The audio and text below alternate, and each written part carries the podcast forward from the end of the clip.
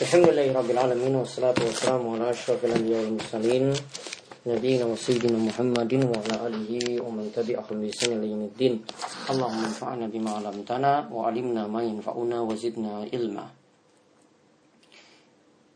Ikhwani fiddin rahimani wa rahimakumullah Kali ini kita melanjutkan pembahasan kita dari masa ilul jahiliyah perkara-perkara jahiliyah di kesempatan sebelumnya kita lihat di antara perkara jahiliyah yang dikatakan oleh Syekh Muhammad bin Abdul Wahab yaitu fanatisme buta atau at-ta'assub al-mamkut. Ini disebutkan dalam masail ke-93. Pada masail ke-94 kita sebut apa yang dikatakan oleh beliau al-mas'alatu rabi'ah wa tis'un.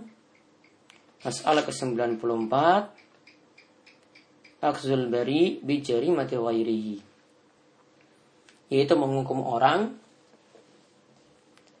yang sebenarnya tidak bersalah karena kesalahan orang lain. Menghukum orang yang tidak bersalah karena kesalahan orang lain. Dikatakan oleh Syekh Muhammad bin Abdul Wahab anna min dinihim di antara ajaran jahiliyah akhdar rajuli akhdhar rajuli bi jarimati ghairihi. Itu menghukum orang yang tidak bersalah karena kesalahan orang lain. Maka Allah Subhanahu wa taala berfirman wala taziru waziratu wizra ukhra. Ingatlah dan orang yang tidak berdosa tidak akan memikul dosa orang lain. Orang yang tidak berdosa itu tidak akan memikul dosa orang lain guru kami si Soleh Al Fauzan bin Abdullah Al Fauzan mengatakan di antara kebiasaan orang jahiliyah adalah menghukum orang lain yang tidak bersalah disebabkan karena kesalahan orang lain. Maka turunlah tadi surat Al-An'am ayat 164.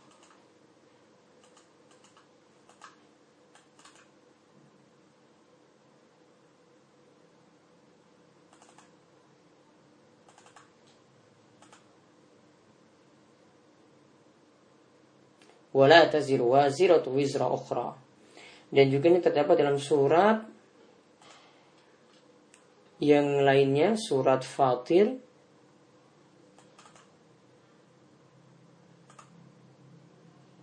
ayat ke-18. Jadi di dua surat. Yaitu di surat Al-An'am tadi ayat ke-164 dan surat Fatir ayat ke-18. Dan orang yang berdosa tidak akan memikul dosa orang lain. Itu maksudnya di sini adalah orang yang tidak melakukan perbuatan zolim tidak bertanggung jawab atas kezoliman yang dilakukan oleh orang lain. Hingga yang melakukannya di situ walaupun yang melakukannya adalah sanak kerabatnya sendiri. Seperti anak pamannya atau anak kandungnya atau orang tuanya.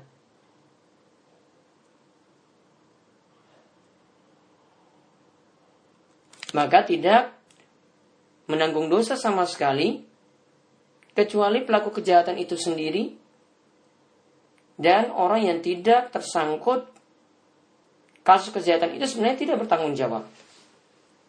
Seorang yang tidak melakukan permusuhan tidak boleh dihukum karena kejahatan orang yang melakukan permusuhan. Jika seorang yang tidak melakukan kejahatan dihukum sama seperti orang yang melakukan permusuhan, maka ini adalah kezoliman dan kejahatan yang tidak diakui kebenarannya oleh Islam. Ini cuma ada pada orang-orang jahiliyah. Maka sekarang ini fenomena yang terjadi di sebagian negeri, ya, ini terjadi di sebagian negeri. Fiba lil bawani, yaitu di sebagian negeri. Jika terjadi permusuhan antara seorang dengan seorang anggota suku tertentu, padahal orang itu tidak diperhitungkan dalam suku itu, mereka tidak melarainya, tetapi justru mendukungnya untuk melakukan permusuhan dan balas dendam terhadap suku itu. Padahal orang yang dimusuhinya tadi dari suku lain itu lebih mulia dan lebih terhormat darinya. Mereka tidak menghukum orang yang musuhi itu, melainkan justru menghukum pembesar suku itu dan orang-orang yang mempunyai kedudukan tinggi dalam suku itu. Seperti itulah yang dilakukan orang-orang jahiliyah.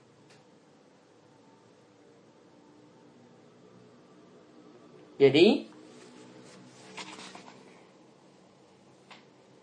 Jadi jika ada seseorang yang buat kejahatan ya di suatu kampung atau di suatu suku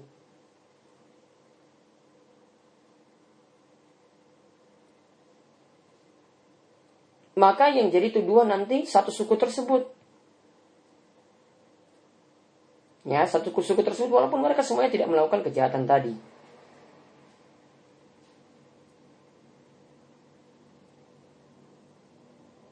Nah, perbuatan seperti ini ini adalah perbuatan jahiliyah. Ini sama seperti orang-orang menuduh sebagian oknum yang ada di negeri kita ini berbuat kejahatan, melakukan tindakan teror, dan dia orang muslim, maka seluruh orang muslim atau yang punya sifat yang sama sama-sama berjenggot atau wanitanya itu bercadar semuanya dituduh teroris. Ini sama seperti pemahaman jahiliyah maka seharusnya yang wajib kita pegang yang namanya tindak kejahatan ya sudah pelaku kejahatan itu saja yang kena. Hus dia saja tidak menjadi tidak melebar pada yang lainnya. Ini adalah keadilan. Maka Allah Subhanahu wa taala katakan dalam surat Al-Baqarah ayat 194, "Faman itada 'alaikum fa'tadu 'alaihi bimisli ma atada 'alaikum." Oleh sebab itu barang siapa yang menyerang kalian, maka seranglah ia seimbang dengan serangannya terhadapmu. Bertakwalah kepada Allah dan ketahuilah bahwa Allah bersama orang-orang yang bertakwa. Jadi yang melampaui batas, itulah yang diserang saja. Tidak seluruh orang. Maka kaidah yang mesti kita ingat, suatu perbuatan jelek, suatu bentuk kejahatan itu kita kenakan hukumnya cuma pada pelaku kejahatan saja, tidak pada yang lainnya. Maka orang yang bunuh cukup orang yang bunuh saja, tidak satu keluarganya. Orang yang perkosa cuma orang yang perkosa saja, tidak pada satu keluarganya. Maka sama juga yang terjadi di masa silam. Kita lihat di zaman PKI ada orang-orang yang berbuat jahat ikut PKI misalnya, maka keturunannya di bawahnya tidak terkenal sebenarnya kalau mereka ini adalah orang-orang yang baik maka mereka tidak mewariskan kejahatan tadi. Jika ada yang mengatakan misalnya, kok bisa ahli waris yang jadi asoba itu dikenakan bayar diat?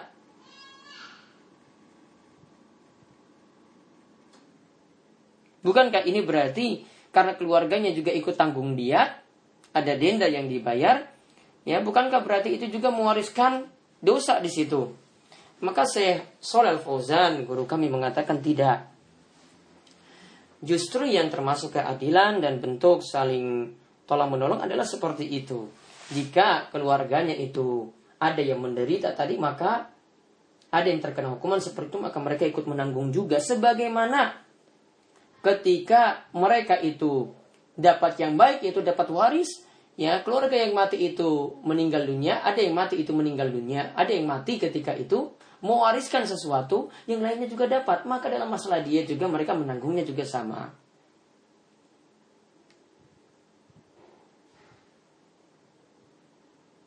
Namun khusus untuk hukuman tadi, yang khusus untuk hukuman yaitu jinayat, itu cukup bagi pelaku saja yang berakal yang melakukannya dengan sengaja. Yaitu di sini khusus kalau kita bahas pelaku yang membunuh dengan sengaja. Namun kalau pelaku yang tidak bunuh dengan sengaja, ya, itu nanti ada diat, maka diat nanti semuanya yang menanggung, tidak ada kisos di situ. Maka perlu kami jelaskan dulu di sini, kasus pembunuhan itu ada tiga macam. Ada pembunuhan sengaja, Pembunuhan sengaja itu ada niatan dan menggunakan alat untuk membunuh. Dan ada yang kedua, kasus pembunuhan yang tidak sengaja, yaitu tidak ada niatan di dalamnya. Ya, dia tidak ada niatan dalam untuk membunuh, namun ada yang terbunuh. Maka ketika itu ada diat, maka diat ini ditanggung oleh satu keluarga. Kemudian ada yang sibul amdi, ada yang mirip sengaja. dia membunuh ada niatan untuk membunuh namun tidak tidak menggunakan alat untuk membunuh. Misalnya dia menggunakan sapu, dia pukul-pukul pukul orang, pukul orang, pukul orang sampai mati. Sengaja memang. Namun tidak menggunakan alat untuk membunuh yang sebenarnya seperti pisau. Maka kalau untuk yang pertama, alhamdulillah untuk yang sengaja, jelas hukum mati. Yang kena ya cuma pelakunya saja. Kalau yang tidak sengaja dia maka satu keluarga juga kena di situ ikut untuk menanggungnya. Bukan di sini mewarisi dosa karena dilakukannya adalah tidak sengaja. Beda tadi yang melakukan pembunuhan sengaja, muta'amid, yang melakukan pembunuhan sengaja tadi, dia sendiri yang kena hukuman, tidak satu keluarganya. Kemudian Al-mas'alatul khamisatu wa tis'un. Ada penjelasan lagi masalah 95. Yaitu ta'iru rajul binaksi fi ghairihi. Mencela kekurangan orang lain. Mencela kekurangan yang ada pada orang lain.